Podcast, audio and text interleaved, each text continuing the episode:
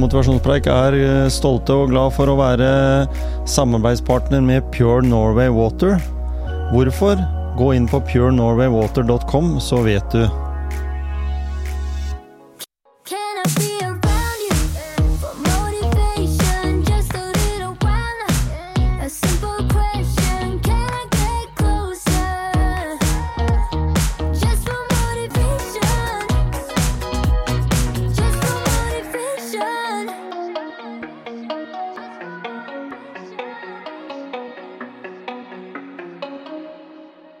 Sitter jeg her med Julianne Fredin Larsen.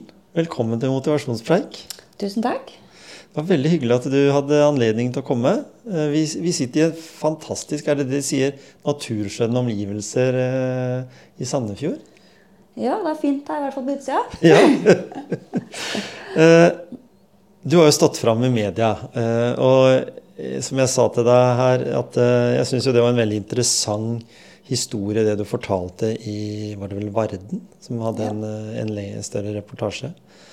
Men, men eh, det skal vi komme tilbake til. Men eh, du er jo 1974-modell. Mhm. Eh, fortell litt om oppveksten din. Du har vært en idrettsaktiv eh, jente hele ditt liv. Det har jeg. Jeg har levd ånda for idretten Ja. helt siden jeg gikk på barneskolen. Så har det vært eh, håndball og fotball. Mm. Begge deler om hverandre. ja. Uh, starta tidlig. Vi, mesteparten av barndommen var jo å være på Porsch stadion. Da bytta vi på å spille håndball og fotball om hverandre. Ja. Med venninner og organisert, uorganisert. Alt. Og så blei det mer og mer alvorlig etter hvert. Det blei både håndball og fotball på toppnivå. Mhm. Skulle satse håndball, og så ble jeg tatt ut på landslagssamling i fotball. Så da blei det mest fotball. ja. Men uh, har blitt mye håndball også. Ja, ikke sant? Eh, det er mange som sier det når en driver og kommer på sånne Jeg vet ikke, du var, er jo litt for voksen til å være liksom i det sånn toppidrettssystemet. For den gangen var det vel sånn du tillegg, kunne ha tilleggsfag i, på videregående, og så var vel ikke noe Jo, det kom en idrettslinje i Porsgrunn, gjorde det ikke det? Jeg gikk på idrettslinje i Porsgrunn. det? Ja, ikke sant? Ja. Det husker jeg faktisk. På Valmyran der. Ja. Det, um, Det var ganske tidlig, egentlig, for det tok litt lengre tid før det kom eh, både i Skien og i, eh, i det som er toppidrett i dag, da. ja, det var jo ikke toppidrett da. Nei. Det var vanlig idrettsgymnaset. mm. Så det var litt annerledes. Mm. Vi fikk ikke fri for å reise på kamper, Nei, ikke sant? blant annet. Jeg fikk ikke, fikk ikke karakter det igjen en termin i gym, fordi jeg valgte en fotballkamp i Kristiansand istedenfor å, istedenfor å gå på tur med idrettslinja. Ja, ikke sant? Så det var fotballen og håndballen håndball der? som ble prioritert for, framfor skole. Ja. Men det var ikke helt det samme som toppidrett i dag. Nei. Nei, for da er jo hele utdanningsløpet eh, nesten sånn 50-50. Ja.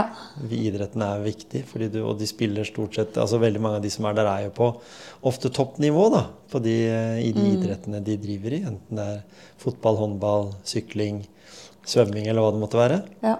Men du vokste opp da i Porsgrunn, på Vestsida-området. Ekte Porsche. Ekte Porscher. Men allikevel så har vel åssen Jeg vet Porsche har jo hatt håndball, men du har jo spilt på høyere nivå enn eh, det Porsche har spilt. Både i fotball og håndball, du. Ja, jeg har faktisk spilt Eliteserien med Porsche mm. i håndball. Ja. Men jeg var mest med når jeg var i Gjerpen. Ja.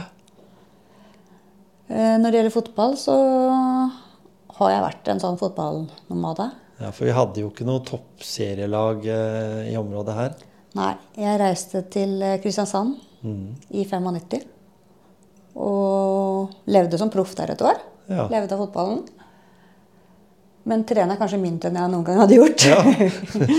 Etter eh, det ikke ble håndballtrening ved siden av. Mm. Men eh, det var veldig gøy å flytte dit og spille og leve av fotballen et år. Mm. Og så spilte jeg toppfotball i Larvik. Og så hadde jeg et gjestevisitt i Asker i 2007. Ja. Da det spilte jeg semifinalen i NM og satt på benken i finalen. ja. Så det var liksom siste Jeg hadde én toppseriekamp i 2010 med Don igjen, faktisk. Ja vel. Ja. Det var siste toppseriekampen min. Hva, hva syns du om det med den gangen du begynte med fotball for jenter? Da var det jo sånn at det var mer vanlig at jentene var med på guttelaget fordi det var ikke nok spillere, eller i hvert fall i enkelte klubber, vet jeg. Eh, Så, for jeg husker jo det sjøl. Jeg er jo 67-modell, riktignok. Og det var, jeg tror jeg var to jenter jeg på Hercules som hadde lyst til å spille fotball. Og de måtte flytte. Og det var jo ikke fotballtilbud i Hercules den gangen. Var, de var med gutta. De gjorde jo de litt bedre kan, kanskje enn mange andre jenter, fordi de, ble jo, de måtte jo prestere på et det nivået som var da. Men i dag så har jo jente, eller damefotball, da, kvinnefotballen, har jo fått et helt annet ansikt, både nasjonalt og internasjonalt. Syns du det er spennende? Eh, Jeg skulle gjerne hatt uh, spilt fotball på toppnivå i dag Ja. istedenfor når jeg gjorde det. Eh, Jeg trena en del med gutter. Både var med på å trene med Porsche og med, med Don, herrelaget der. Mhm. Men det hadde jo vært gøy å spille fotball nå i dag, hvor det er liksom Du har mulighet til å reise til utlandet og ja, Det er kjempegøy å se det utvikler seg. ja. For når jeg skulle på samling i, 2000, nei, i 1995, så var jeg nede og trena i Tyrkia. Mm. Og da var det folk som som flokka seg rundt banen. Fordi de hadde ikke sett jenter spille fotball før. Nei, ikke sant? Det Og det var sånn, Vi leide vår sånn liten fotballbane, for jeg skulle ut på samling etterpå. Og da begynte det å flokke seg rundt. bare sånn, Hæ? Jentefotball? Det er eh, Det har ikke var skjedd før. Det var uvant. Men nå er det jo proffe lag. Nå er det jo alle topplagene, sånn som Barcelona og, og PSG og Liverpool og Arsenal og alle har jo, har jo jentelag nå. Og Odd faktisk også er jo på vei oppover. Det er gøy. Ja. Endelig så får vi noen som satser litt. Det har jo vært et toppserielag her i Ja Det var jo der. Det var jo det. Men det var liksom ikke sånn De gikk ikke all in, kanskje sånn som de gjør nå. Og så i tillegg til at eh, en ut ifra kanskje få bli litt nedsnakka av personligheter i kanskje til og med forbundet, så er det liksom nå nesten mer akseptert å, å spille jentefotball enn guttefotball, egentlig. Eller i hvert fall sjansene. Hvis du skal si til barnet ditt at eh, vil du oppnå noe innen noe idrett, så kan du komme ganske langt i fotball hvis du har talent. da. Mens for gutta så er jo det altså det er de sier, det er én av 10 000 som kan få kontrakt med Odd, liksom. Ja. Det er veldig, veldig stort. altså Så er det vanskelig å komme igjennom. Men nå har det jo vokst veldig på jentesida òg. Ja. Det var ikke så mange jenter som spilte fotball når jeg var ung. Nei, det var jo, ja, var jo håndball til den store gullmedaljen. Men nå er det jo både flere og flere som spiller fotball, og færre som kanskje spiller håndball. Mm. Og det er jo så gøy. Vi har jo mange gode spillere. Med Ja. Ada og Ja. Det er forbilder liksom for de jentene igjen. Det må være kjempeforbilder for å være ung jente nå, og det å kunne se at det er mulig. Mm. Og faktisk tjene penger på fotball nå, men bare det å få lov til å ha det som hobby også er jo Ja. topp. ja, for det er jo sånn vel I toppserien nå så er det de fleste spillerne der har vel det som jobb. Men de har ikke så godt betalt som gutta, da. Det er fortsatt litt å gå der. Det er fortsatt lang vei å gå. Men uh, det er jo flere og flere som har det som heltidsjobb. Mm. Men det er vel flere på damesida som jobber ved siden av, enn Ja. det det er eh, på herresida. Det er det nok. Nå skal det nok riktignok sies jeg har snakka med en del gutter som, som spiller da i eh, toppserien eller i eh, eliteserien. Og de sier jo det at det, det at jeg har en liten jobb ved siden, er faktisk litt bra. Eller at jeg studerer eller gjør et eller annet. Det å bare spille fotball og spille PlayStation, det er ikke så meningsfylt. Så, så, men du har jo vært på, på begge nivåer. altså Du har jo, som du sa her i stad, både tjent penger på fotballen, så har levd av fotballen. Jeg ble da- ikke så rik, men Nei da, jeg levde men du av det. levde av det. Ja. Eh, og så har du måttet kombinere med jobb, trening, få kabalen til å gå opp for, for å da trene så mye som du måtte gjøre. da. Eh, tenker du at det, at det er viktig med en liten sånn der input av noe annet enn bare idretten nå du driver? Enten du driver fotball, håndball eller, eller andre idretter? Det er kanskje spørs på hvilket nivå du er på, og hva du har rundt deg. Mm. Men for min del syns jeg det var litt kjedelig å bare spille fotball. Eh, Jeg savna De andre var jo på jobb på dagtid, mens jeg satt hjemme. Så jeg trives vel kanskje best i den perioden som jeg både kunne trene og jobbe, Mm. og spille litt høyt oppe. Ja. Det er liksom den normale hverdagen som jeg trivdes best med når ting funka. Ja. Mm. Du har eh, stått fram, som vi sa her i stad, med dine problemer når det gjelder angst og, og depresjon. Eh, om det har vært pga. idretten, det vet ikke jeg. Men, eh, men har idretten på en måte gitt deg en form for prestasjonsangst? Eller er det en angst som går på den, den daglige eh, angsten som, som vi kan gå med? Sånn, eh, for det er jo ulike måter å få den på. tenker jeg De, de som, som lytter på podkasten her, de har jo sikkert noen Noen kan få det av reising, noen kan få det av å være vekk fra familie. Noen kan få det ved å være for mye med familie. Da. Så det er mange faktorer, da. Hva var det som på en måte gjorde at du eh, begynte å merke at det var noe som ikke stemte? Nei, jeg har jo vært heldig i barndommen min og ungdomstida med at alt funka. Mm. Eh, ting gikk på, skin på skinner. Jeg hadde verken angst eller depresjon eller noe. Ikke sant? Det bare Ja, jeg var heldig lenge. Men så skjedde ting utafor idrettsbanen. Jeg har aldri hatt en prestasjonsangst. Selvfølgelig har jeg vært nervøs for kamper, Ja, og det, sånn skal det jo være. Ja. Det er jo bare um, Det er bare Det en det del, en del av moroa, på en ja, måte. Ja, det gir det lille ekstra. Men uh, hadde masse dødsfall i familien min sånn plutselig. Mm. Med både pappa, som døde plutselig, og så tok eh, broren min selvmord i 2004. Mm. Og det slo ut eh, på min angst. Um, jeg var redd for å åpne skuffer. Jeg var redd for å være hjemme aleine. Åpne skap. Var redd for Så hengte folk Ja, rundt i trær, såpass. følte jeg. Så det var det som tok Som skjedde at jeg fikk depresjon og angst. Mm.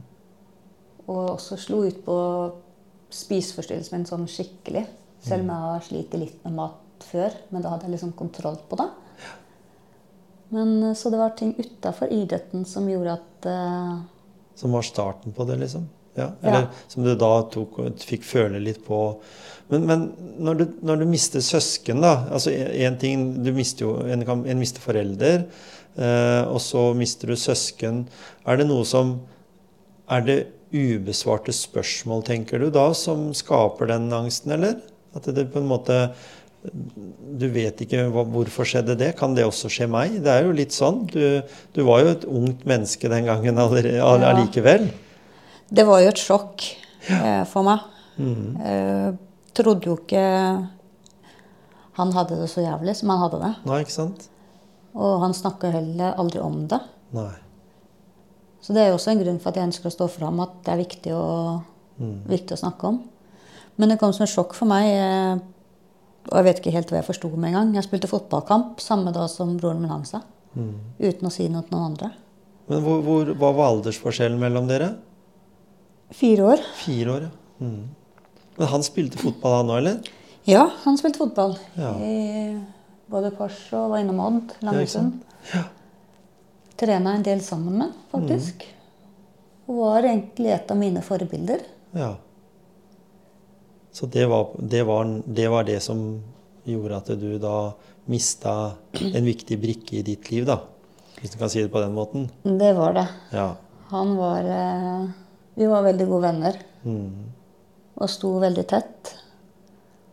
Og når han da plutselig forsvant, og du forsto Eller jeg forsto etter hvert hvorfor. Mm. Men eh, du sitter igjen med veldig mye dårlig samvittighet. At eh, Hvorfor merker jeg ikke noe? Hvorfor gjorde jeg ikke noe? Eh, men jeg vet jo ettertid at det var jo ikke stort jeg kunne gjøre, for han var ikke åpen om det han sleit med. Han Nei, og det, og det torde ikke si noe. Nei, ikke sant. Og det er litt sånn som det du får kjennskap til gjennom egne utfordringer, da, som du har sjøl, så, så får du kanskje svar på en del ting, eller? De tinga som skjedde. At du vet det nå at menn har veldig dårlig for oss å snakke om psykisk helse. Kontra damer som står kanskje litt mer fram. Og så når det ofte skjer noe med menn, så skjer, er det ofte gått litt for langt. Det, I hvert fall i den situasjonen her så Ja, var det jo gått altfor langt. Hadde han sagt fra tort å si noe, så Mm. hadde han kanskje Kanskje levd den dag i dag, hvis du tør å få hjelp. For det er ting som kunne ordnes. Mm. Men jeg torde ikke å si noe selv i den perioden. Nei. Jeg levde jo med mange tanker for meg sjøl. Ja. Men blei jo mye dårligere. Eh, sleit masse med spiseforstyrrelsen. Lot den ta ja, maten og bulimien. Gjorde sånn at jeg overlevde den perioden, følte jeg. Med å ja, justere mine følelser med det. Tok du, tok du imot noe hjelp sjøl da i den tida, eller? Jeg hadde en psykolog. Fikk sånn krisehjelp rett etterpå. Ja. Men øh, jeg levde jo dagen min som vanlig. Var på jobb og ja, trena fullt. Så den tida fikk jeg ikke noe sånn veldig hjelp. Nei. Men så skjedde det videre ting i livet mitt med at vi mista en liten jente Mm. som levde halvannet døgn. Og så mista jeg svigermora mi rett etterpå det, som var min først, største støtte. Ja. Og da datt jeg fullstendig sammen og ble Ja. lagt inn første gang. For, eh, for da, da føler du på en måte at da, da var det stopp, egentlig. Ja. Da hadde du stått i det så veldig og, og jobba deg sjøl gjennom det. Og så var det Det var liksom, hvis man kan si belønninga på en måte. Du, Ja. Det blei bare verre. Det ble den siste dråpen som Ja, kom, som fikk begeret til å renne over. Mm. Og fikk masse angst, depresjon, og ønska ikke mer sjøl. Nei. For, du- for du har vært på tanken med å avslutte livet selv òg? Det har jeg. Jeg mener at dere, du hadde sagt noe om det? Jeg har eh, vært der flere ganger. Mm. Det har vært ekstremt tungt. Både da og nå det siste året. Men eh, det er jo mulig å jobbe seg gjennom. Og jeg- tenker på, og det her må du jo bare si akkurat sånn ut ifra hva du føler selv, da, men, men, men hva, hvordan tenker du når du er i en sånn situasjon? Er tenker du lite rasjonelt, eller altså, eh, tenker du på å beskytte andre enn deg sjøl eh, fordi du føler at du er en Det er noen som sier at den føler at den er en belastning for alle. Hvordan tenker du det har vært for deg, eller hvordan det har vært for deg? Altså, det var bare så ekstremt tungt å fortsette der jeg var. Med angst, depresjon, spiseforstyrrelse. Mm. Og jeg følte jo meg til slutt at jeg var en belastning for andre. At de hadde det bedre uten meg. Ja. Selv om den rasjonelle meg, den friske meg, vet jo at ingen har det bedre uten. Nei, ikke sant? Jeg vet jo det i forhold til broren min, at han Han også skrev jo det i avskjedsbrevet sitt, at, han- at vi ville ha det bedre uten han, for han har gjort så mye dumt. Ja. Men ingen har det bedre med at noen andre forlater familien sin. Og jeg vet jo at mine barn og min mann og familie har det mye bedre at jeg er her. Har jo fortsatt mye å tilføye. Men når du er så dårlig og syk, og det er så svart, så er det liksom ikke den rasjonelle deg som tenker. Nei. Det er noe annet dragning som går. Altså Er det en annen person som snakker til deg på en måte i, i den situasjonen? For i og med at, du, som du sier, du har jo vært idrettsaktiv. Du har vært i mange miljøer. altså Bare det å skifte ulike klubber altså Det virker som du er en veldig tilpasningsdyktig, et tilpasningsdyktig menneske da, som kan gå fra klubb til klubb og komme tilbake igjen til en klubb. altså Mens mange tenker at eh, nei, jeg må bli her, for det, det er min trygge reise i, sammen med den gjengen. Du har vært veldig uredd på valg av idrett, da. Og så, har du ikke Det er ikke den delen av Julianne som, som er den som er, sliter med psyken. Som er psykisk syk, som ønsker å ikke leve mer. Nei, det var vel egentlig bulimien og depresjon som snakka, tror jeg. Ja. Ja. Det er ikke Det er ikke friske Julianne. Nei. For hun er livsglad og har lyst til å, å funke. Ja, ikke sant? Det er det. Og har lyst til å være sammen med familien sin. Og ja, vet jo har mye å tilføye, egentlig. Men det er når du er dårlig og syk, og ikke det er eh, den realistiske stemmen som prater. Og det er da det er viktig å få hjelp. At du tør å Både tør å spørre etter hjelp, men også at de rundt og systemet fun funker. At de tar det på alvor. Når du er vokst opp da på den tida som du er vokst opp, så er vi jo innafor den normen når det gjelder psykisk sykdom og hjelp. Så er vi der vi fikk høre at eh, nå må du ta deg sammen. Nå må du skjerpe deg, liksom. Du kan ikke gå rundt og ha det så dårlig. Du har hatt det så bra i oppveksten din og alt med seg. Det er klart, eh, så har det vært elementer i livet som har vært forferdelige for deg, da. Men så er jo samfunnet sånn bygd opp for å skyve det litt foran seg. Eh, og da har du jo du sikkert opplevd det sjøl, selv om du fikk det litt i voksen alder, da, at eh, mange tvilte på det du eh, sa i forhold til din egen sykdom. fordi i og med at Hvordan går det an, Julian? Du er jo så sinnssykt rå på fotballbanen, eller du er jo så aktiv, og du trener og sånn. Hva er utbyttet ditt av det? For det er mange det som bare gjemmer seg under dyna og, og sitter eh, nede i en mørk kjeller og, og får diagnoser som gjør at den ikke blir sosial engang. For jeg, jeg får inntrykk av at du er et sosialt menneske, et sosialt vesen. Jeg er veldig sosial Ja. og brenner jo for idrett og trening. Mm. Men jeg har jo også hørt den med at uh, jeg må ta meg sammen. Mm. Eh, pff, alt er så bra, så du har jo ikke noe å være lei deg for. Nei, ikke sant? Men eh, det hjelper jo ikke. Det er kanskje noe av det verste du kan si til noen. At du skal ta deg sammen. For det er jo en grunn for at du er, er der du er. Mm. Og jeg skjønner at mange ikke forstår. For jeg tror de har vært der sjøl. Mm. Vært så langt nede sjøl for å forstå hvordan det er. For det er jo selv vanskelig for meg å se hvordan ting har vært på det verste. Mm. Det er vanskelig å tenke 'Å, har jeg vært der?' Er, hvorfor, hvorfor er det sånn, egentlig? For jeg har jo alt rundt meg. Jeg har familie, jeg har venner, jeg har treninga. Alt ligger jo til rette for at jeg skal ha et bra liv. Ja. Um, Pluss at jeg er så fysisk sterk at det er veldig mange som ikke skjønner at man kan være det samtidig som man er psykisk dårlig. Hvordan kan ikke du jobbe, du som kan sykle alene til Oslo? Eh, Da må du kunne orke jobbe også. Når du går på treningssenteret hver dag, så må du kunne orke å jobbe litt òg. Da er du ikke så dårlig. Men det er jo ingen som ser meg de dagene jeg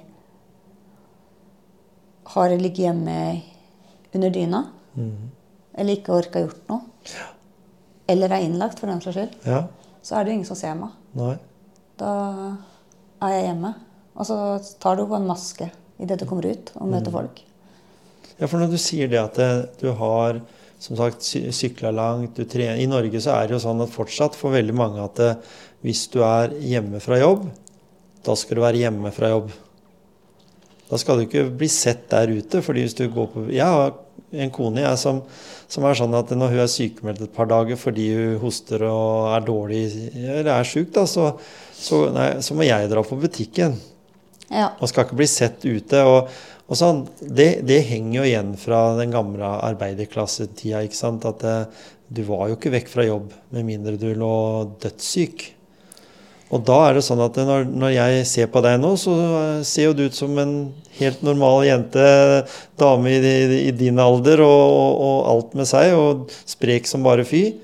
Og så blir det den, eh, det som er inni hodet, da, som ikke jeg ser. Det liksom, hadde du sittet her med spjelka bein, så hadde jeg skjønt at ikke du hadde jobba. Det husker jeg det var en som sa til meg en gang, som, hadde, som hadde gått på en smell. At han eh, brakk beinet for han snubla på dekket på båten.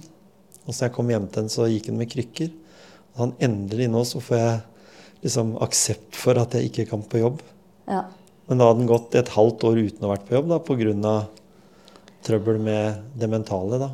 Jeg sleit veldig med det i begynnelsen. Mm. Det å tørre å gå på kafé på dagtid Mm. for å komme deg ut. For ikke bare å sitte hjemme. Ja. Det å gå på trening når, andre skulle vært, når jeg egentlig skulle vært på jobb. Mm. Men jeg tror det er kjempeviktig at ikke du skal deg inne og at du blir bare enda dårligere. For det gjør du hvis du skal sitte inne og sitte i dine egne tanker. Mm. Men jeg skulle jo noen gang ønske at jeg var sykemeldt for et brekt bein. Eller holdt på å si skal ikke ønske jeg har kreft. Nei, nei, Men, det er, en eller annen sykdom som Det er ikke tabu. Det er lett å snakke om. Det er uh, akseptabelt at du er eh, at du er syk. Mm. For det er fortsatt masse tabu med å være psykisk syk. Er det derfor også at det er litt vanskelig å snakke om noen ganger? For mange? Tror du? Det er eh, Det er jo fordi det er tabu i folket fortsatt. Mm. Det er jo veldig få folk som tør å stå fram at du sliter med depresjon, bipolar, spiseforstyrrelser, whatever. Jeg har fått nå siste uke etter jeg sto fram i verden, Mm. så har, det, har jeg fått meldinger fra folk jeg ikke vet hvem er, som har takka for at jeg har stått fram, og at ikke de føler seg aleine. Og at ikke det er så skummelt å stå fram. Mm. Fordi de sjøl ikke tør å si det til noen. Du står helt aleine om det. Og det må være kjempevanskelig. Ja, altså, virker, men det virker som, for meg da i hvert fall, eh, at unge mennesker nå, altså yngre, den, de yngre generasjonene, og generasjonen som er yngre enn oss, da, eh, er litt eh, tidligere på. At de er litt modigere til å stå fram. Noen snakker jo til og med sågar om at det, at det er en del misbruk av disse typene, sånn som angst og depresjon. At, at det kanskje, kanskje du egentlig bare er eh, lei deg, eller at du er eh, engstelig, altså sånn, og, og det kan gå over. Eh, men så, så kan man Så har jo ser jeg de som jobber mye med psykisk helse, sier jo det at det, det er mye større press på unge mennesker i dag enn det det var når vi vokste opp. Du snakker jo om en ålreit barndom, du har vært aktiv og ble tatt godt imot i alle miljøer, men i dag så er det enda mye Det er vanskeligere for eh, unge mennesker i den aksepten i samfunnet. Nå har jo du blitt en stemme for mange av de som sliter med psykisk sykdom. Eh, håper du også at du Det gjør gjøre selvsagt, men at du påvirker noen av de litt yngre også? Til å tenke litt annerledes gjennom det livet de har begynt på? Ja, det gjør jeg jo. Det Det er vel mange som står fram nå, og noe av grunnen er jo kanskje at det er eh, Det er jo mer aksept i samfunnet nå. Du har jo tidligere statsminister som forteller om søstera si som sliter. Du har folk høyt oppe som som er sykemeldt pga. psykisk helse, Ja. pga. depresjon. Ja, ja. Så jeg tror jo det er eh, lettere for folk å stå fram nå enn før pga. Det er så mange andre også som står fram. Mm. Samtidig så er det kanskje noen som kan ta litt lett på det og si at jeg er deprimert, men kanskje er litt lei seg. At det er litt vanskelig å vite de nyansene der. Men allikevel så er det viktig å ta det på alvor hvis noen først sier det. For du vet ikke om det er bare at de er lei seg en periode, eller om det faktisk er noen som sliter veldig. Og som du sier, den presset ute fra skole, fra foreldre, fra, fra alle. Du har sosiale medier. Ja. Før så var det mobbing, og det ble sett. Nå er det så mye mobbing i skjul. Så det er jo veldig mange som sliter. Og spesielt kanskje etter korona. Ja. Så er det jo mange som Har vært ute av et miljø og kommet inn ja, igjen, Vanskelig kanskje? å komme inn igjen. Og det presset på skole som er i dag, og alle skal ha utdannelse, alle skal prestere. Du må ha utdanning nå for å kunne få jobb. Ja, ja, du skal må- være vaskedame, så må du ha Ja, utdannelse ikke nå. sant? Du må Det var du ikke før. Ja. Så før så kunne alle på en, måte, på en eller annen måte få jobb. Jeg husker jo det når jeg var ferdig på videregående, så kunne jeg jo velge ville jeg begynne på Porsgrunn porselen der resten av familien var, Ja. eller ville jeg begynne med noe annet. Så jeg Men valgte noe annet, da. Men nå må du ha videre utdanning. Det holder ikke bare med videregående i dag. Nei, så du må prestere på alle nivåer. Mm. Og det er nok mange som har prestasjonsangst. Og ja, veldig mye annet som de sliter med, som Mm. det er viktig å ta på alvor, da. Ja. Og så tenker jeg at det tidligere blir tatt, til lettere er det å få gjort noe med. Så ikke de kommer At ikke det går for langt, da. For det er veldig vanskelig å få hjelp om dagen. Mm. Du skal være veldig syk for å først få hjelp Ja, ja, og komme inn i systemet. Ja. Og det er jo det er jo ikke gitt enhver menneske der en har gått så langt at en har begynt å slite, og orke å gå inn i den kampen heller. Du må jo møte noen mennesker der som syns det er interessant å hjelpe deg, da. Det er jo litt sånn.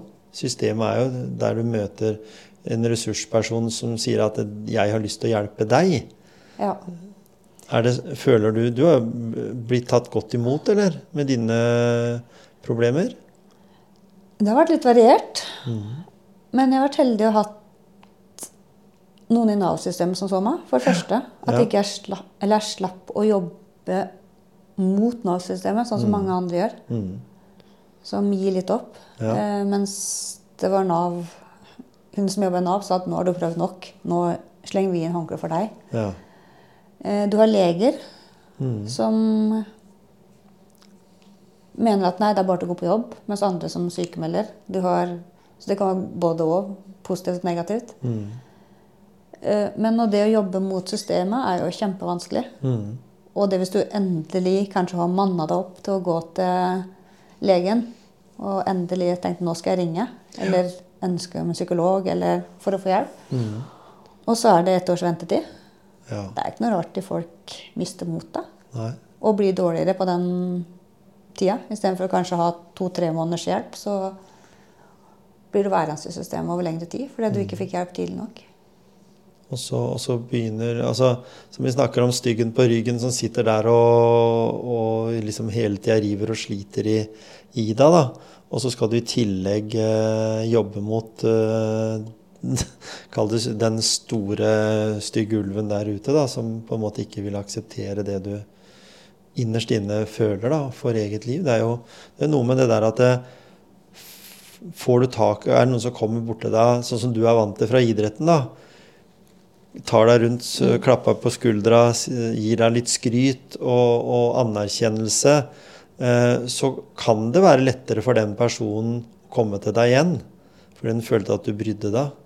Det er vel sikkert eh, oppfattelser du har hatt gjennom idretten også, vil jeg tro. Fordi du har jo vært trener og, og, og på en måte vært synlig i det aktive liv selv med problemene dine. Ja, jeg var jo Fram til i fjor så var jeg jo spillende trener for Ure damelag. Mm. Uh, og det å være åpen som trener, blant annet, har jo gjort at jeg har kunnet hjelpe andre. Mm. Mange kommer og sier at hvis du f.eks. ser at noen sliter med maten, eller Mm. at ikke de har det helt bra, så får du ofte den som voksen at ja, men du skjønner ikke, du forstår ikke noe. Nei. Eh, Men da kan jeg også ha sagt at jo, men jeg forstår. Jeg har slitt sjøl. Jeg har uh, slitt med mat eller andre ting. Og da er det lettere for de å åpne seg. Mm. Og kan kanskje veilede dem videre til å få hjelp. Mm. Og det å være åpen med foreldrene sine ja, Kanskje ta det før ting går for langt. da. For det er det som ofte er problemet. Ja, for det er jo sånn nå i dag så er det jo en del eh, spiseforstyrrelser i toppidretten. Jack Altidens nevner det, liksom, ikke media engang.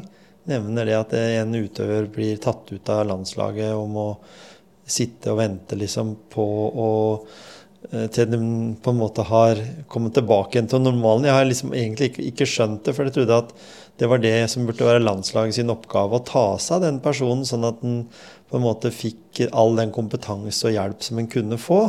Eh, men sånn virker det ikke som. Det virker som at du blir veldig overlatt til deg sjøl. Nå må du kjempe deg tilbake men med helt andre kort på handa, da. Eh, vi ser det i hoppsporten, og vi ser det jo i langrenn, i hvert fall vinteridrettene. Men som du sier, så er det jo helt sikkert like vanlig i sommeridretter også. Det er mange Ja, av de i hvert fall. Jeg tror det er mye i utholdenhet idrett, blant annet. Ja. Men eh, jeg tror det finnes overalt, jeg. Mm. Både i idrett og andre steder. ja. Det er ikke noe man snakker høyt om. Eh, Noen ting ses jo. Mm. Har du anoreksi, så ses det jo veldig fort. Det gjør det. Så det er ikke så lett å skjule. Men andre spiseforstyrrelser, eh, bulimi Mm. og er det ortoreksi, Du ser ikke sånn uh... Jeg ses jo ikke. Så du ses jo så Og så blir det overvekt, da. Som blir liksom den også, som Ja. du ser, da, i begge retninger. Enten du er veldig tynn eller du er veldig tykk, da. Så, så har du det i begge, begge leire. Fordi mange snakker jo om at eh, overvekt også er en, er en sykdom som, som mange sliter med i dag. Eh, og kanskje Det bør tas på like Ofte så blir det tatt at du er lat eller ikke gidder er å trene. Det er det det er. Men det er ofte en grunn for du kanskje overspiser. Eller ikke orker å trene. Mm. Eller at det er noe sykt. At den er syk på en eller annen vis som ikke finner ut av. Det kan være stoffskifteproblematikk Ja. eller andre ting, har jeg hørt. Og da når du får høre at du bare er lat, Mm. så er det ikke lett å ta tak i. Det er absolutt ikke. Da går det utover mer enn Mm. overspising. Da går psyken og alt nedover fort. Men når du Du har jo da en ut, du, er, du er glad i å trene, da, i utgangspunktet når du trener, og du har vært veldig aktiv. Hva med spiseforstyrrelsen kontra det å ha nok energi til å stå på? Fordi du har sikkert løpt fra fotballtrening til håndballtrening og andre veien liksom, for å få være med på flere ting. Hvordan var det? Hvordan følte du det på kroppen? Når gikk du Nei, tom? når jeg var yngre, så gikk jeg vel ikke tom. Nei? Ikke sant? Men uh, når jeg sleit på mitt verste, Mhm. Og Ja, jeg spiste jo stort sett hele dagen, men jeg kasta opp like mye. Mm.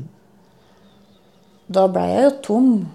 Men det er utrolig hva kroppen klarer. Mhm. Eh, Jeg gikk veldig mye på vilja. Og det var jo treninga som var det positive i livet mitt Mm. i mange år. Selvfølgelig familie. Jeg hadde jo en topp familie rundt meg. Men Ja, ja. det var jo det jeg levde ånda for. Mm. Så det var medisinen.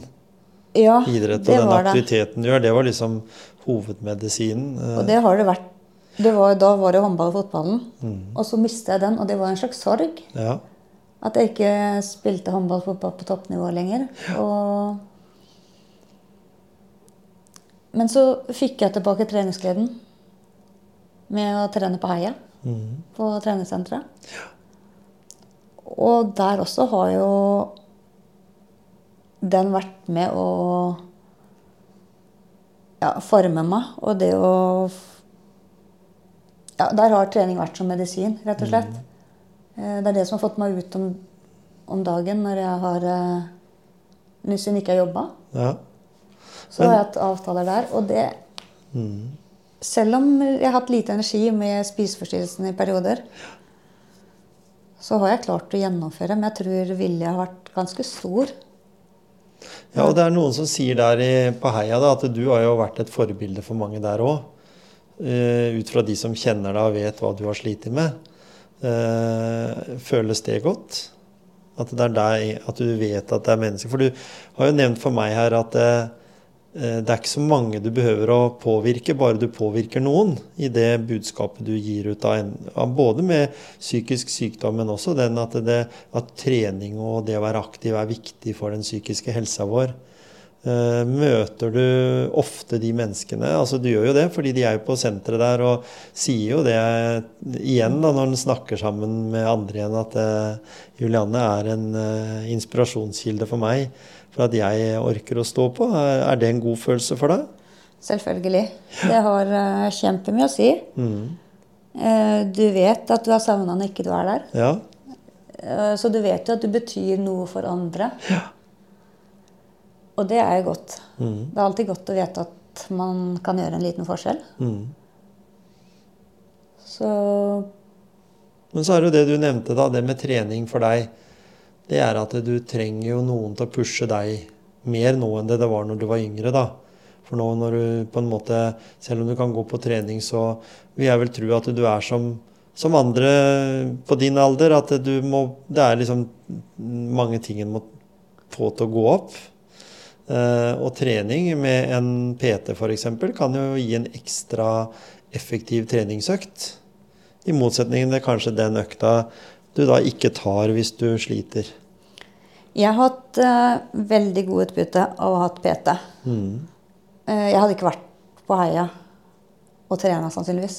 Nei? Mange av de dagene som jeg var der, på grunn av Jeg hadde ikke kommet meg opp av senga Nei?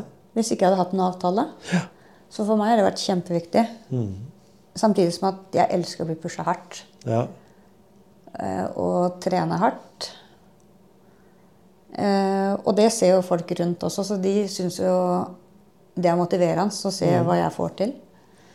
Men for meg så motiverer jo alle de andre som har et helt annet utgangspunkt enn det jeg har igjen. Som klarer å trene aleine. Eh, har fysiske utfordringer, psykiske utfordringer. Så jeg tror vi er en gjeng der oppe som motiverer hverandre. Det går begge veier. Ja Ja.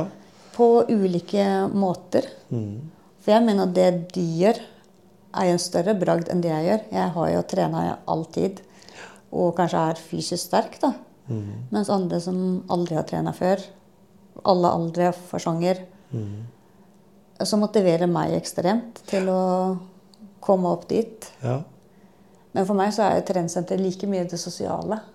Det med å møte folk, snakke med dem før etter trening, kaffekoppen Ja, hele greiene.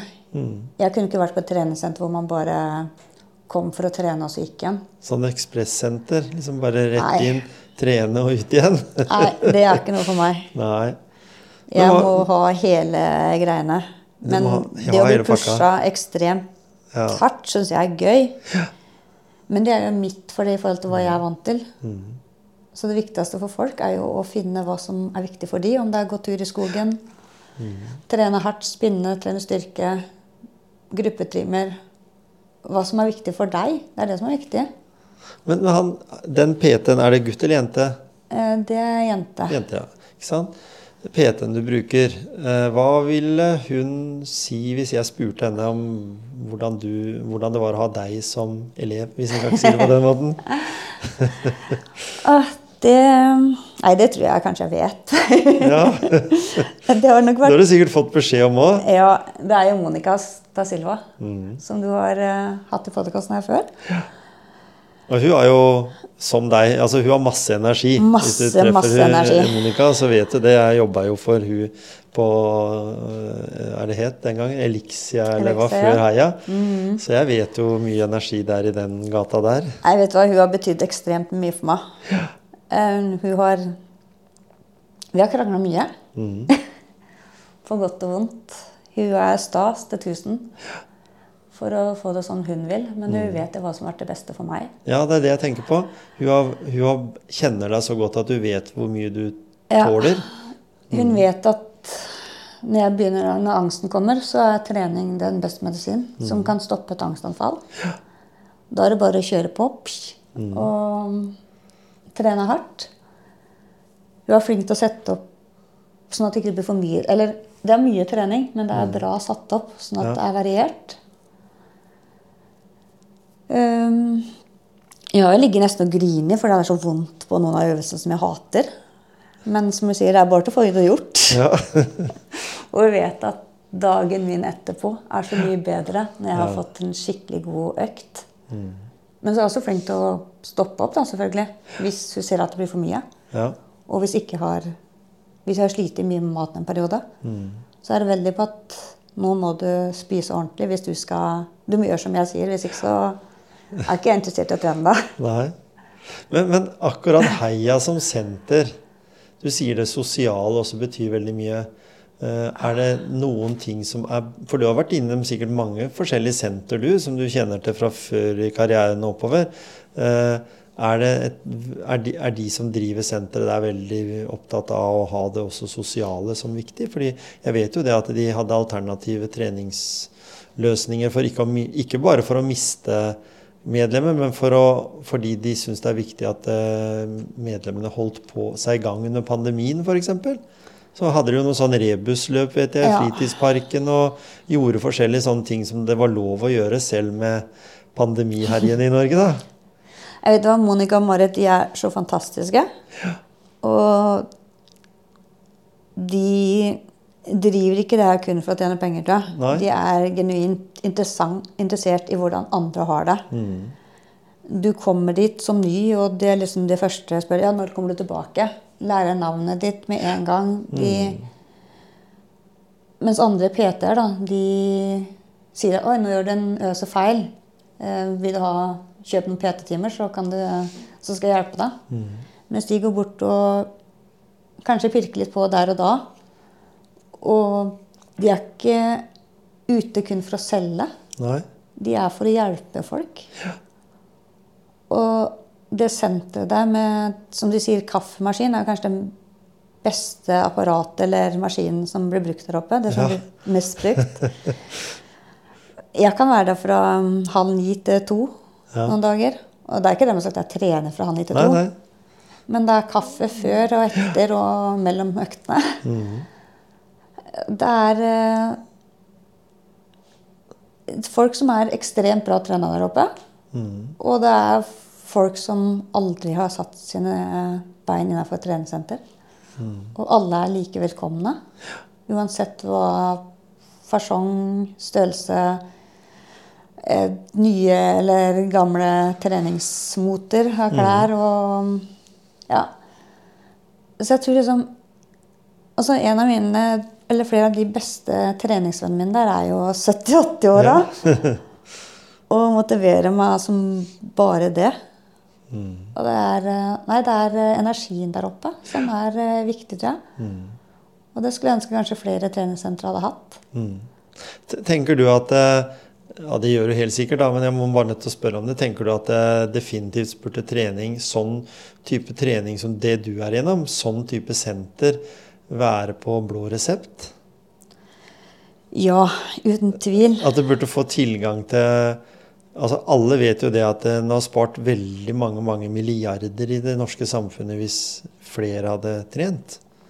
Og spesielt på senter, fordi jeg sier ikke at alle må trene på senter. Noen kan jo gå tur med bikkja hver dag eller to ganger om dagen eller gjøre andre ting. Men at, at en, hvis en eh, ønsker å bli pusha litt, da, så vil jo et senter være mye enklere å bli pusha på enn at du må pushe deg sjøl. For noen liker jo å trene aleine, og for de er det jo helt topp å gå tur i skogen eller uh, trene for deg sjøl. Kanskje du har en tung jobb og endelig kan få fritid aleine. Ja. Mens andre som Spesielt folk som er uføre pensjonister eller kanskje ikke har det sosiale ellers, da, så er jo et treningssenter ekstremt sosialt. Hvis det blir lagt opp riktig. Ja, det er det jeg mener. Det rette type Og treningssenter. jeg vet jo om folk som sier at ikke de har råd til å trene. Det er jo Spesielt nå når alt annet er blitt så dyrt, så har de måttet kutte ut trening. Og det er jo kjempetrist. Det, ja, både fysisk og psykisk formen detter jo for mange. Det gjør For det er også mange som er fysisk syke, som bruker treninga som medisin. Og så er det psykisk syke og ja, alle. Så jeg tror at det er viktig å få trening mer på blå resept. Både for de som trenger gruppetrener, men også oppfølging av PT. Eh, som legen min har prøvd Mm. å søke om og få dekt. For jeg har brukt mangfoldig tusen på PT, for det har jo vært min medisin. Mm. Og hadde det ikke vært for eh, de, så hadde det nok kanskje vært flere innleggelser. Mm. Og ja, hadde jeg ikke hatt PT, så hadde jeg kanskje ikke trena den dagen i dag. Og kanskje vært enda dårligere enn det. Det er jo det som har redda meg i perioder. Ja. Men det er ekstremt dyrt. Det koster jo penger, det gjør det. De må jo ha en jobb, de som gjør det. Ja, ja, selvfølgelig. Jeg skjønner jo betalt for det, så det er jo det. Men, men allikevel, jeg skjønner jo det også, at, eh, at den eh, Helt uavhengig av om hvor mye det koster å ha de, da, så er det noe med den der personen som kommer og pusher deg, og Ja. som maser på deg og vet eh, Eller blir så godt kjent da, med deg at en vet hvor grensene dine går. Ja, altså Du har jo sånn som Frisk liv, mm. som også er positivt og bra for mange. Mm. Men det er stort sett folk som ikke har vært i treningsmiljø før. Mm. Og på et lavt, lavt nivå. Ja. For meg som har trena en del, men allikevel trenger å møte igjen på treningssenteret. Ja. Og ikke være her aleine. Jeg har jo kommet på treningssenteret og grinet og gått hjem igjen. Jeg har ikke orka å trene her Uh, og der eh, skulle jeg gjerne hatt mulighet til å få trening på blå resept. Mm. For det er ikke alle som passer inn i friskliv Nei. eller andre ting. Og jeg tror det er bedre medisin for meg enn å sitte to timer i uka med å snakke med en psykolog. Mhm. Og bli tatt vekk fra trening fordi du skal tilpasse ja, tida di der. Ja, fordi psykologtimene er jo også mangelvare der ute.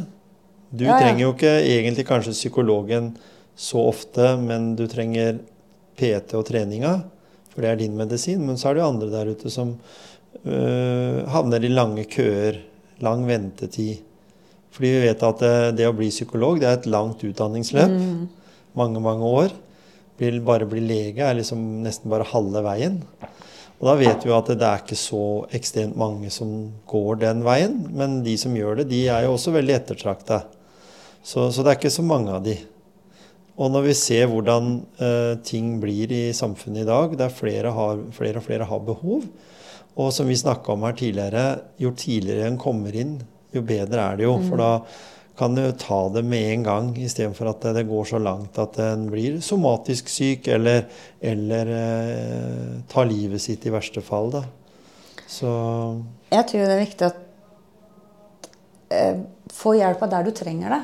Ikke alt blir satt liksom inn i en bås at hvis du sliter med det, så skal du ha den hjelpa. Og sliter du med det, så skal du ha den hjelpa. Og har du spiseforstyrrelse, så skal du helst ikke trene så mye.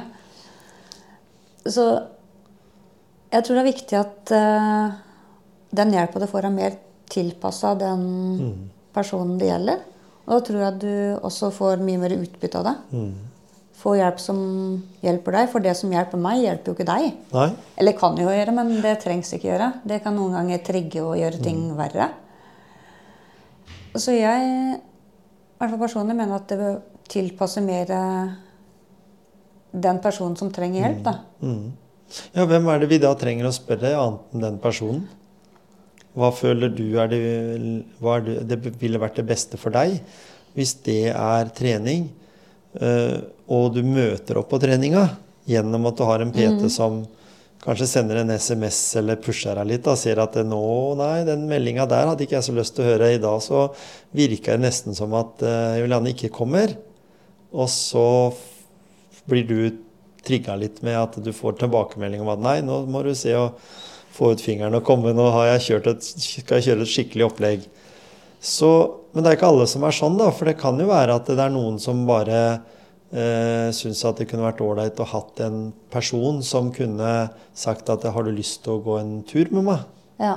Eller har du lyst til å være med på håndballkamp og se på en kamp, eller bli med på ja, sirkus? eller altså et eller annet, bare sånn for å gjøre noe med noe annet. For det er jo det som du sier, det sosiale, eh, som er en stor del av viktigheten på heia også, i tillegg til god trening for deg. Og så er det sikkert mange da som er der oppe for det rent sosiale også, som ikke Ja.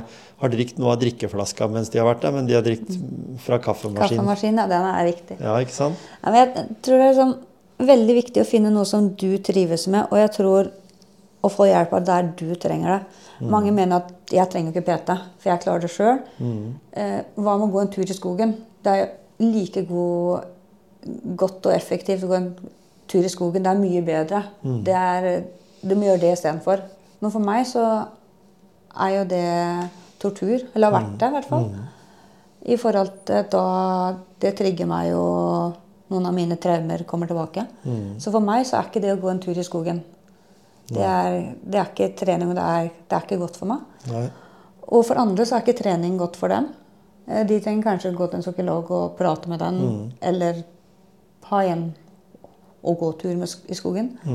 Så det er liksom, alt er så individuelt. Hva som er bra for meg, er ikke bra for en annen. Nei. Og motsatt. Og da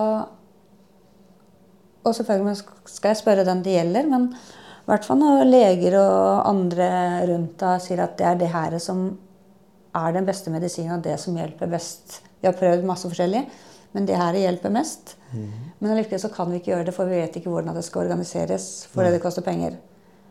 Da, da er det jo Sitter litt mellom to stoler. Og det er synd. Jeg regner med det er ikke bare meg som er der. Det er Nei. andre som sitter i kø for å få hjelp. Og, og det er jo sånn og, Men i, nå i dag, nå, altså, nå er du jo her i Sandefjord. Ja. Får et uh, behandlingsopplegg som du syns funker for deg. Du er i hvert fall i, i det, så det kan jo ikke jeg si noe om det funker for deg. Men du ser jo veldig frisk og fin ut.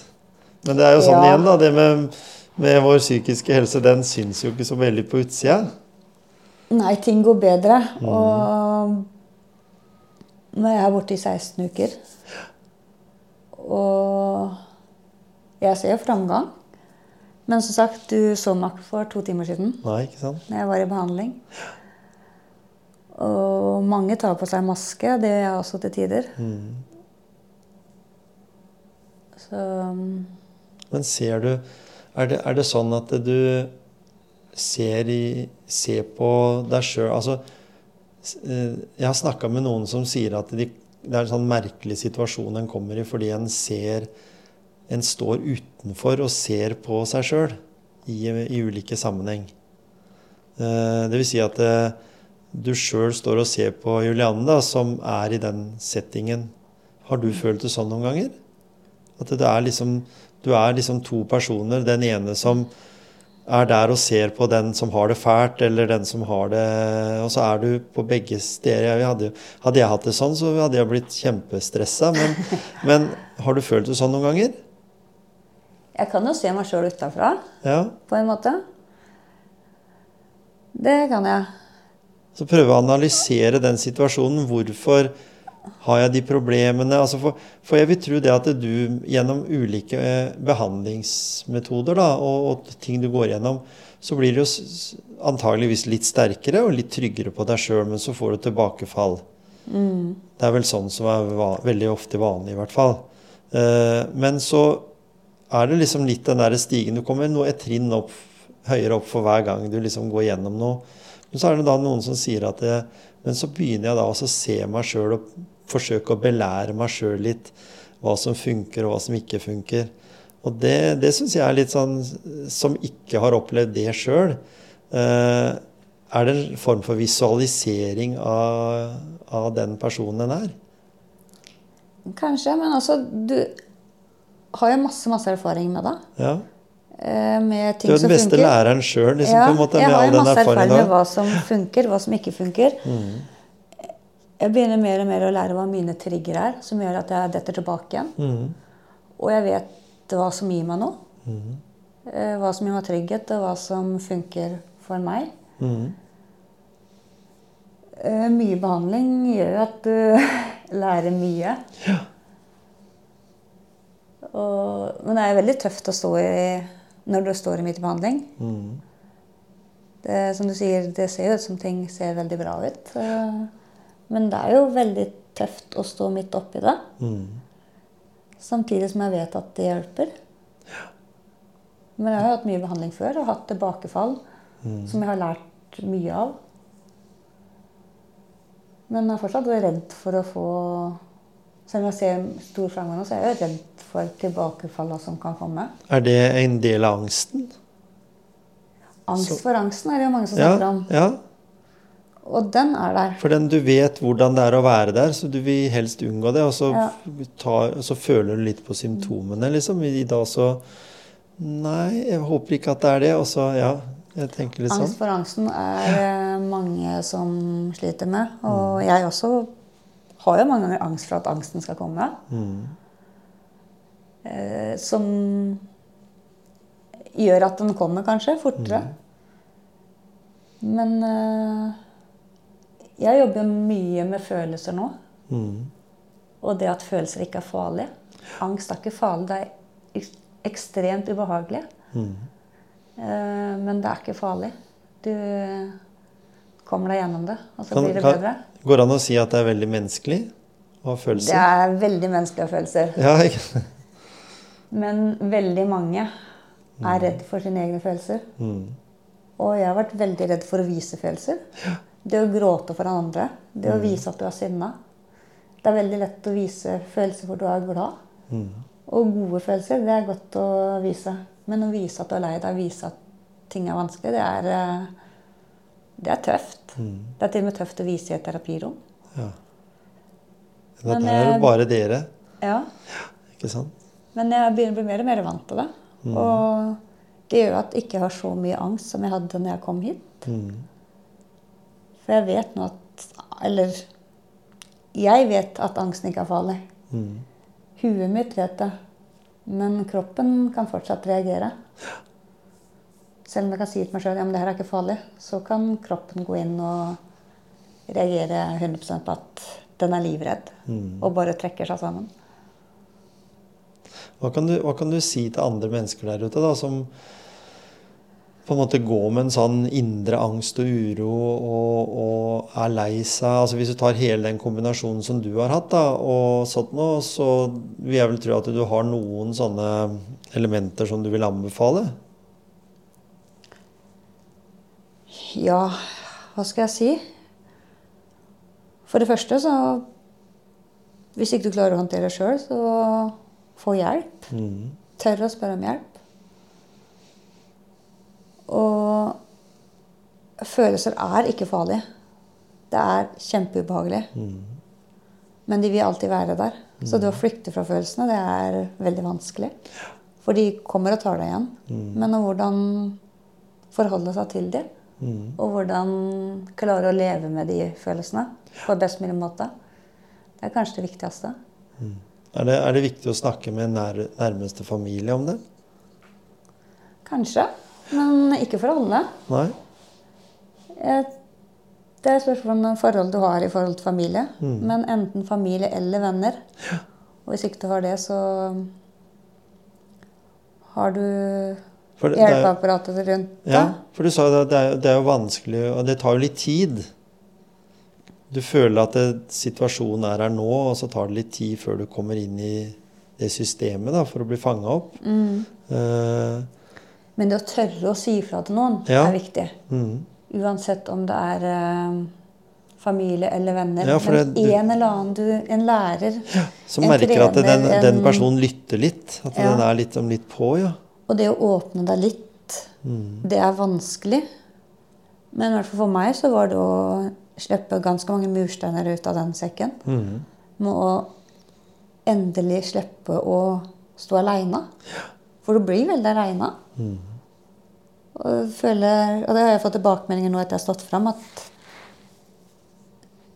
det å, at jeg delte, gjør at ikke de føler seg så aleine. Mm. At du tok en for laget med å tørre å snakke om det.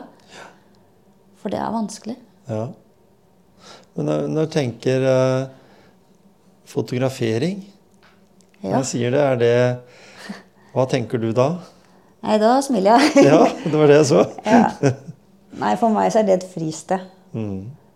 Eh, Da detter jeg i min egen boble. Det er eh, Nei, det å skape noe. Men også det å gi noe til andre. Mm. For det andre ønsker å ta familiefotografi, brylluper, hva som helst. Og det å da se gjennom det kameraet, Mm. det er eh, Det er gøy både der og da, men også etterpå å jobbe med å se hva det kommer ut av. Ja, for jeg får tenke Ser du gjennom linsa på en annen måte nå enn det du gjorde for 20 år siden? Det gjør jeg. Ja. Um, Du er på jakt etter noe annet, sikkert? For du tar veldig fine bilder. All skryt eller Ja, litt skryt på deg der. Jeg har jo sett på bilder du har lagt ut på nettet i hvert fall, og, som du har tatt. Så det er, jo, det er jo på en måte Du har jo noe i bildene dine. Det er ikke, alle, det er ikke gitt alle å ta bilder. Noen tar bare bilder i villen sky. Så blir det aldri noe ut av noe. jeg liker veldig godt å ta bilder av mennesker. Og se liksom det spesielle i mennesket, eller, og også det connection mellom mennesker. Mm. Ikke det at de skal stå og se rett i kamera, men gjerne blikkontakt mellom to stykker som forteller, forteller noe. Mm. Og ja, det er kanskje det viktigste når jeg tar bilder. Det må De øyeblikksbildene. Og det, og det er jo egentlig sånn som jeg har blitt kjent med deg nå gjennom denne praten nå. Dette med den det konkurransemennesket du er. Eh, fordi det å ta bilder av mennesker er jo det vanskeligste som er. Det å få det uttrykket, det, det du vil fram til. Eh, vi kan jo gå ut og ta bilder i naturen, og så kan vi bare photoshoppe det litt, legge på litt farger, og så ser det helt fantastisk ut. Men menneske, altså ansiktsuttrykkene til mennesker og sånn er jo Så du, du på en måte du, du gjør ikke den enkleste makrofilminga. Du tar den, det som er det vanskeligste. Er det litt typisk deg? Det er der du ser jeg går vel ikke alltid den eh, enkleste veien. Det gjør jeg vel ikke. For det er sånn kronglete stier rundt omkring. Ja. Men, Men det gir deg eh, en ekstra dimensjon, gjør det det, i forhold fotograferinga i forhold til andre som bare smeller opp kamera på mobilen, og så er fornøyd med det? jeg er jo et veldig sosialt vesen. Og liker å kommunisere med andre. Mm. Og det er det altså, jeg føler med fotografering. At det å gi og ta, og det å Kommunikasjon med andre under fotograferinga. Mm. Det å få fram det lille smilet. Det, det gode Ja, det øyeblikk som er der og da. Men det å Jeg koser meg sånn når jeg fotograferer. Ja.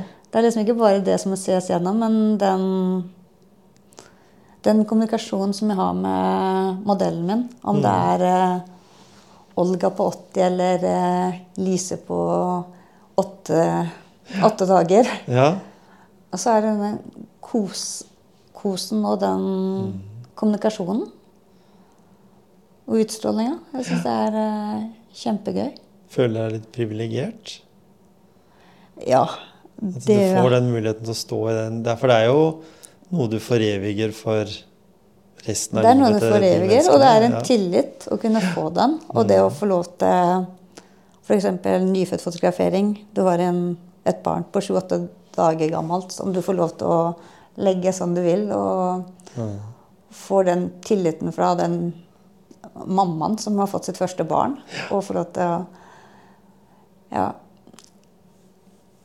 Du, det er noe veldig spesielt.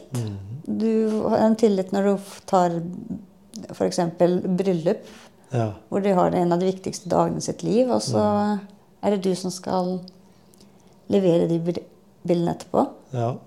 Men som sagt, for meg så er det jo litt Jeg har jo satt ned forventningen om at det er bare en hobbyfotograf. ja, ja, men like, ja. At uh, det er ikke så mange av dere så, det er ikke så mange som fotograferer nå som det var for noen år siden. da. Etter at det kom med digitale kameraer og folk tok så mye Nei. dårlige bilder, egentlig. Men jeg trives med å kunne være hobbyfotograf. da. At ikke jeg har så press på meg, og spesielt når jeg har vært mye dårlig. Så Ja, har jeg hatt litt lengre tid på å levere bilder i perioder.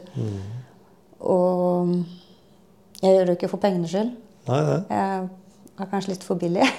Ja, ja. Nei, men det Så for, men det er liksom for å få dekt utstyr og Mm. de tinga der. Men øhm, jeg gjør det kun fordi jeg syns det er kjempegøy. mm. Og det å møte mennesker i alle situasjoner. Um, det er noe jeg ønsker å fortsette med. Ja. Så det er en, på en måte en vei du føler det gir deg mye. Og det er jo som du sier, det er jo for så vidt også mye enklere, fordi du, du kan jo da på det hobbynivået tilpasse det litt din daglige eller din ukentlige syke, da, hvis en ser på den Ja. måten. Mm. Det er kanskje der jeg har mest angst, utenom eh, sånn ellers. Den prestasjonsangsten der og den der eh, perfeksjonismen at det skal være bra. Jeg At jeg, jeg ser bruker bare veldig mye tid. Jeg ser bare konkurransemennesket Julianne. Jeg er altså oppi det der. Fotballspilleren, håndballspilleren som spiller på toppnivå, og som da når, når du nå kan på en måte nedskalere det til noe du kan styre sjøl, men allikevel må levere Du må levere på Champions League-nivå når du tar bilder sånn. vet Du Du sier du skal ha et sånn du, Ja, men du skal ha et sånn fødselsbilde, ikke sant? Du sa det jo. Det er sjeldent det bildet der blir tatt den ene gangen. Eh, Så har du bryllupsbildet. Det blir tatt den ene gangen. Det er ikke sånn 'ta det kysset en gang til'. Nei, eller, eller vi kan, kan vi ikke ta det til uka isteden? Ja. Liksom, da er det gått ut på dato. Da er det liksom for sent. Det må tas da. Så, så jeg syns at det, det, virker som en god løsning for deg å kunne ha den eh, hobbyen da, og, å falle tilbake på. Fordi eh, du kan jo da, som du sier, bruke penger til å kjøpe deg litt nytt utstyr, og så ser du at det, Oi, kan jeg gjøre den enda litt bedre? Ja, da trenger jeg det. ikke sant? Jeg vet ikke, Er, er det sånn du tenker òg? For det har mye på det tekniske å si òg. Altså, Ja. Godt utstyr, en god fotograf, det er jo liksom 50 av hver, på en måte. Det er begge deler. Og som sagt, det konkurransemennesket Julianne, Mm, det Det kommer jeg alltid til å være. Ja. Jeg har jo hele tida nye mål. Mm. Selv om ting ikke går på skinner sånn ellers, så har jeg mål som jeg har lyst til å jobbe videre med, Mm. både med foto og idrett framover. Ja. Du hater å tape? Jeg hater å tape. Er det i spill da, eller? Ja. Ja. Kortspill og alt. Ja, det høres jo ut som eh, veld, veldig greit å ha med seg på veien, da. At Ja. du på en måte, når du er i di, ditt beste deg, så, så hjelper det å ha litt uh, stayer-egenskaper òg. Ja. Litt ja da. Det, vinnerinstinkt. det hjelper meg både på den ene og andre måten. Mm. Med, I dagliglivet og også i forhold til å jobbe videre med Mm. her jeg står her og nå. Ikke sant? Men den konkurransejenta, den har alltid vært der og kommer alltid til å bli der. Mm. Det er om jeg er på treningssenteret, om det er bilder. Jeg har satt noen mål som jeg ønsker å gjennomføre i neste år. Jeg har eh, Ja, konkurransen den er stor. Og jeg vil alltid sette meg nye mål. Men det er ikke noe mål du vil dele med lytterne? Jeg vet ikke om jeg tør å si det. Nei! Time Ja. will show. Eh, nei, jeg har eh, satt meg et mål som jeg har veldig lyst til å gjennomføre. Men eh, Ja, for det er litt deilig sånn med tanke på det, alt det du har vært gjennom og måttet jobbe med deg sjøl. Er, er litt av det å sette mål der framme en god terapi? ja, veldig. Det er det.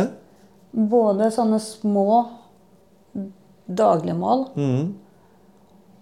og store mål. Mm. Jeg har sagt sånn halvveis høyt at jeg ønsker å sykle Norge på langs Ja. Uh, til neste år eller året etterpå. Spørs, det er mye som organiseres. Mm. Og formen må være bra. Det er ikke sant? Men uh, det er liksom hovedmålet mitt nå. Mm. Å kunne klare å gjøre det. Tenker du fra Nordkapp til Lindesnes? Ja. Ja. Jeg sykla opp til Nordkapp i fjor. ja. Men ikke herfra, da. Nei, nei. I forhold til skaper sjanser. Mm.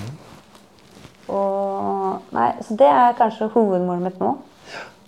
Og så har jeg et lite mål til vinteren om å gå Birken. Ja. Trener masse sammen med idretten skaper sjanser. Ja. sjanser. Og de motiverer meg masse. ja. Fortell. Hva er det? Det er eh, en gruppe tidligere rusmisbrukere Mm. Som har eh, kommet ut av rusmiljøet. Noen jobber fortsatt hardt for å komme ut. Mm. Men de bruker idretten som eh, motivasjon til å komme videre i livet. Mm. Det er eh, flere steder rundt i landet. Men så har vi en gruppe på Eidanger Ja. Som driver med ski og løping og sykling. Og har vært med de og sykla i år. På Arctic Race. Mm. Så vi er oppe i nord. De skal gå Birken nå. Er det i mars, er det ikke det? Noen halvbirken og Første noen er det i hele. mars. Ja, er det ikke? Jo, jeg mener det. Nei, det er, det er i hvert fall Nei, det enten så er det den andre, for det er Vasaloppet den ene helga, Ja. og så er det Birken den andre. Og jeg har ikke gått mye på ski. Eller jeg har gått på ski, men jeg har stått mest på ski. Slalåm. Så hadde min første skitur i helga. Ja. Åtte kilometer, det gikk tungt. Og Birken er vel 56, er det ikke det? 54? Jeg har lyst til å prøve meg på hele, men det kan hende det blir halve. ja. Det får vi se. Kjenner jeg deg rett, så tar du hele, vet du. Ja, Bare få noen flere mil i, i, i beina. Det er jo Har jo veldig lyst, men Ja. jeg skal ikke si ja eller nei nå. Nei, men det å ha målet der, det er jo Ja. veldig For det er sånne bragder du ikke har gjort før. Altså jeg tenker Nei. sånn Norge på langs er jo veldig spesiell. Det er jo noe for, eh, som veldig få gjør. Men akkurat Birken er jo en del som gjør. Men allikevel, det er ting du ikke har gjort i din, eh, i din idrettskarriere, hvis en kan kalle det det. Nei, jeg har jo vært lagspiller, Ikke sant? men uh, har sykla litt de siste åra. Mm. Og har jo funnet at sykling er lagsport. Jeg var med Idrettsskaper sjanser Ja. i år. Mm. For en lagfølelse som jeg aldri kanskje har vært borti.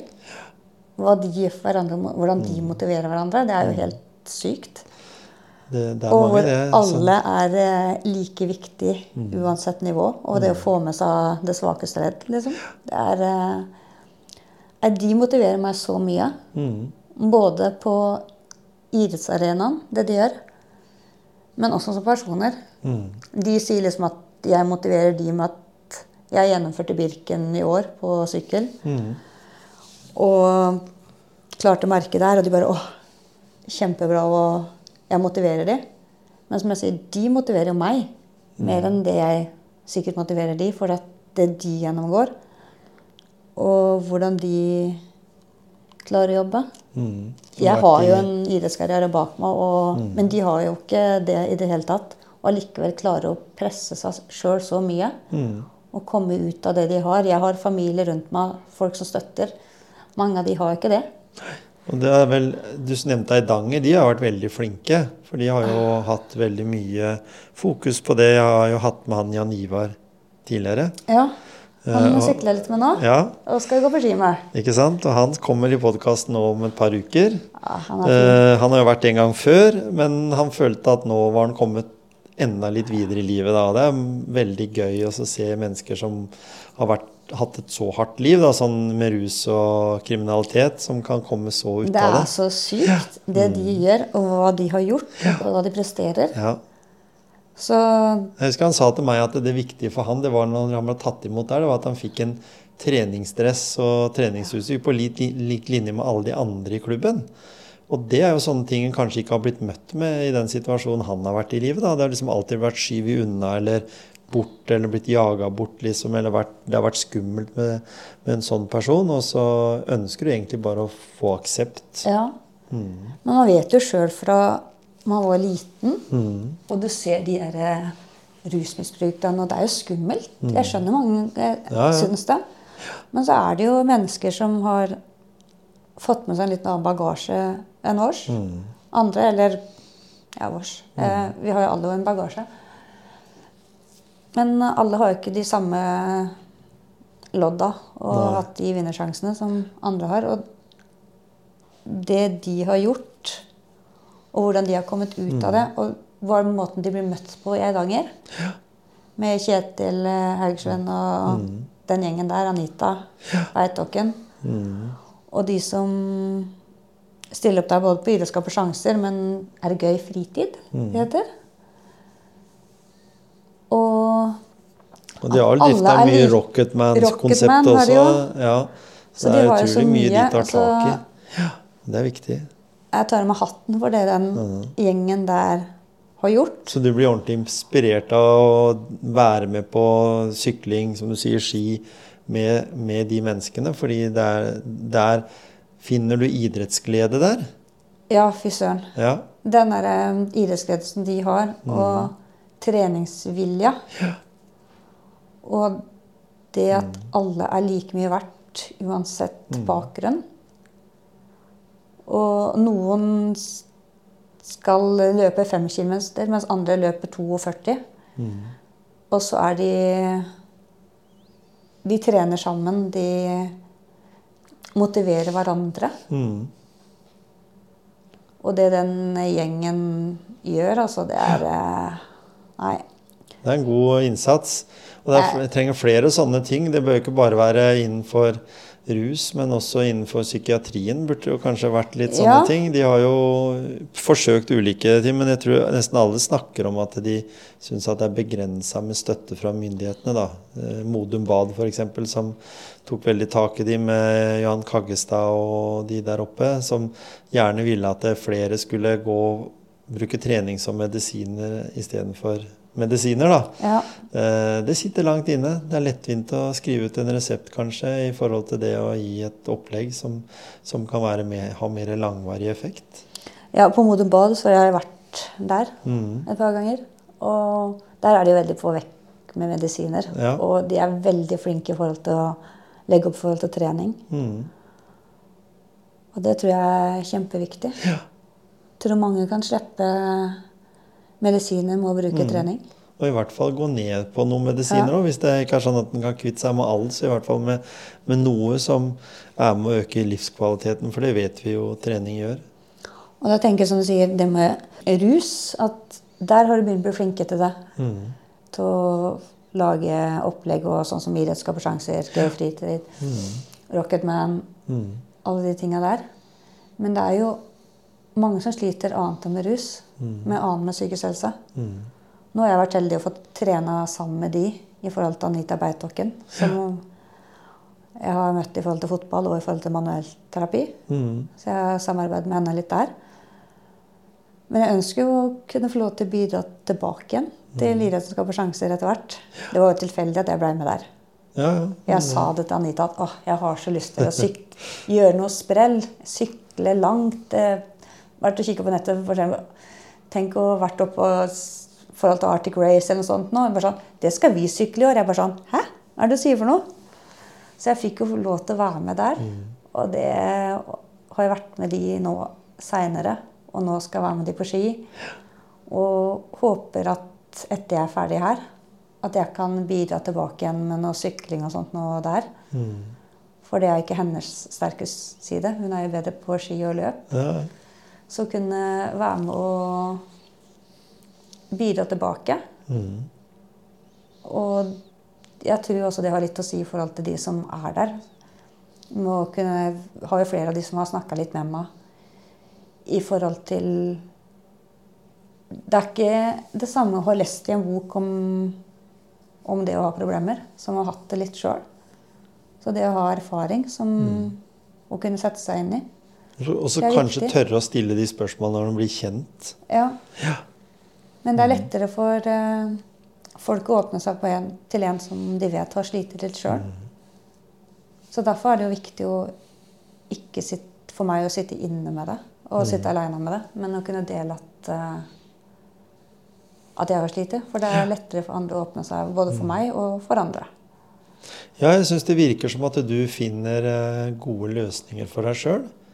At det virker som at det på en måte kanskje er den øvelsen du har vært igjennom, all den treninga du har vært igjennom, da, både for egen mental helse, at du, at du eh, All ære til det at du ønsker å gi tilbake. Fordi det er jo ikke alle som orker det. Altså når nok får på en måte nok med seg sjøl, så er det veldig positivt, syns jeg i hvert fall, det, å, å motivere meg til å jobbe videre med podkast også, når jeg møter mennesker som deg, som på en måte har en visjon der framme som både en skal delta på sjøl, men også som skal være med å påvirke at andre får et bedre liv. Ja. Jeg hadde ikke vært der for noen år siden. Nei. Da var jeg mye mer eh, Hadde mer for meg sjøl. Jeg torde ikke å si til andre at jeg sleit med spiseforstyrrelser. Eller Nei, at jeg sleit med depresjon. Men jeg har blitt mer og mer åpen om det. Jeg har vært masse i terapi. Ja. Og når jeg fikk tilbakefall nå Jeg hadde jo mange år som var veldig fine. Mhm. Når jeg fikk tilbakefall i fjor, så har jeg vært mye innlagt og vært mye borte. Så det har blitt sånn automatisk at du har Ja, du har liksom måttet si fra nesten. Eller de har skjønt at det har vært noe. Mm. Så mange rundt meg. Så jeg fant at nei, vi skal være åpne om det. For det kan hjelpe andre. Mm. Og det har liksom vært min vei nå, da. Mhm.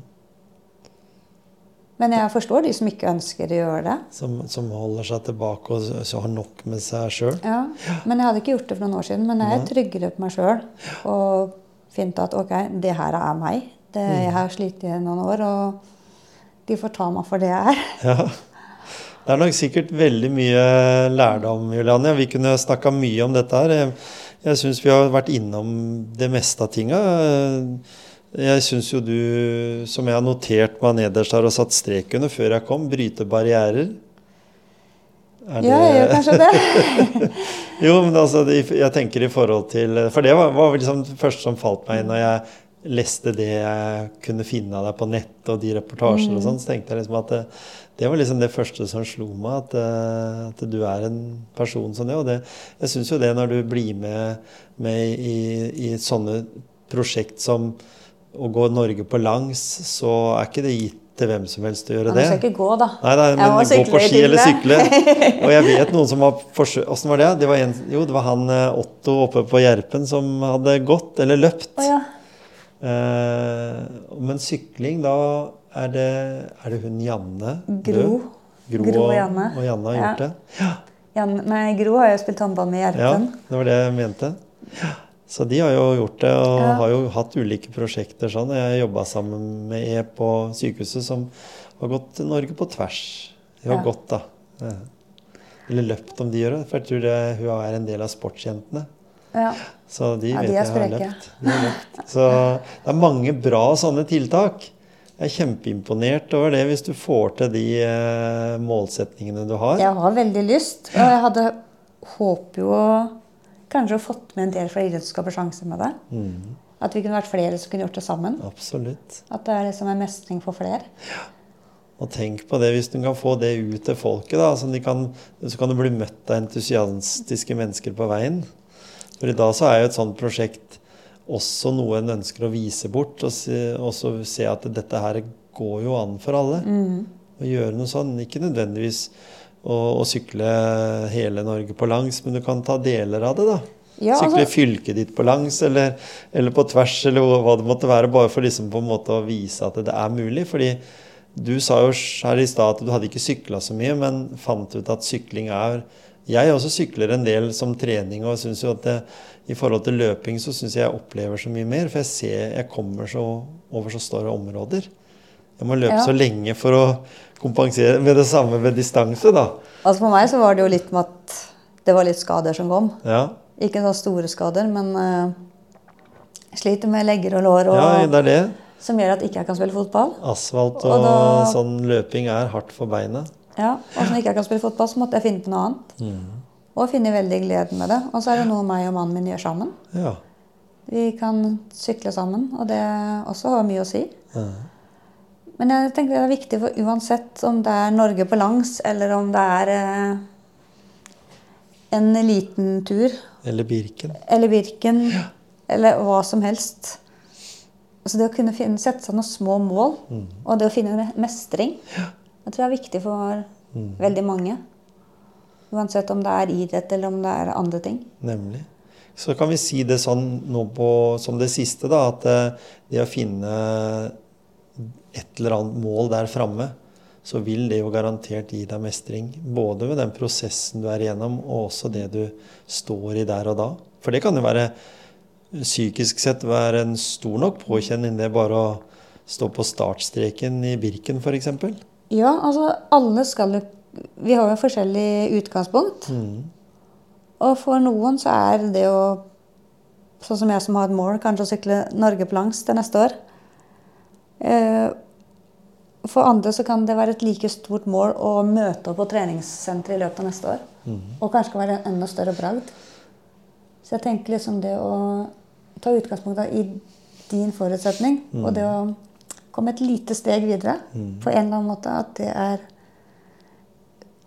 det viktigste. Uansett hvor stort det er, så er det liksom et mål i riktig retning. da. Så står du litt i stampe og du ikke finner ut av helt hva skal jeg gjøre liksom med livet mitt, så kan en løsning være å se bare litt på nettet eller noe sånt, det nærmeste treningssenteret eller eh, frisklivssentral, opp, et sånt opplegg. For det, det er jo flere sånne ting i, i, i kommunene, altså sånn som Bamble har nå etter eh, det her eh, Eh, Frisk eh, Bris. Ja, Frisk Bris.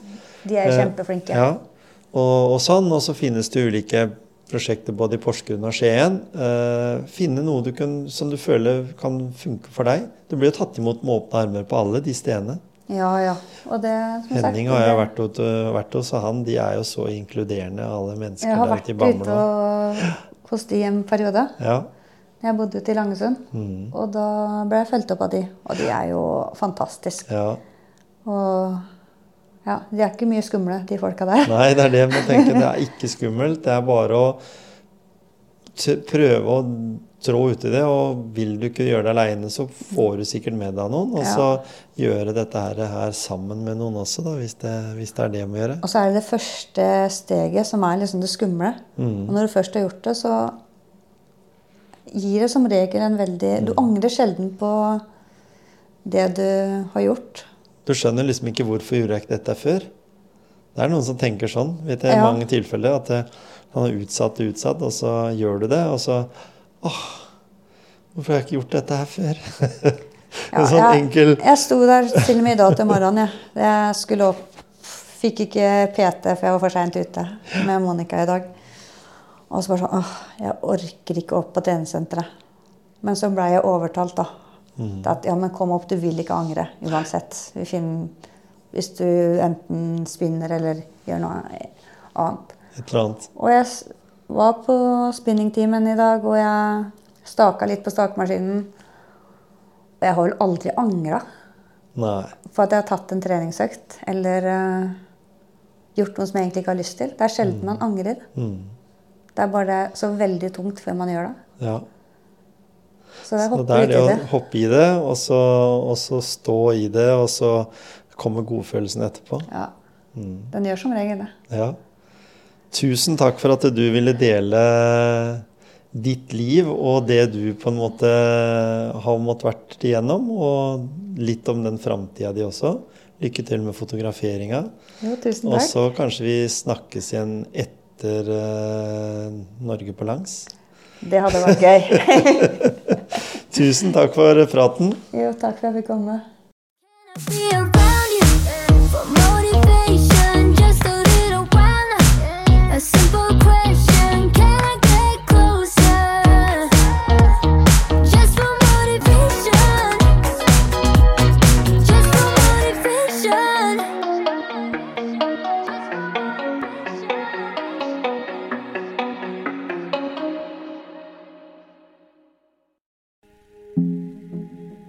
Norway is a sustainable brand inspired by the Norwegian nature and lifestyle.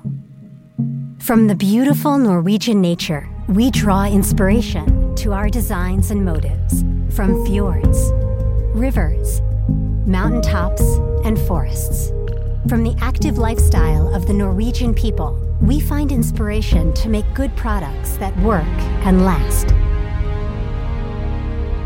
The changing climate inspires us to contribute to change the way we can.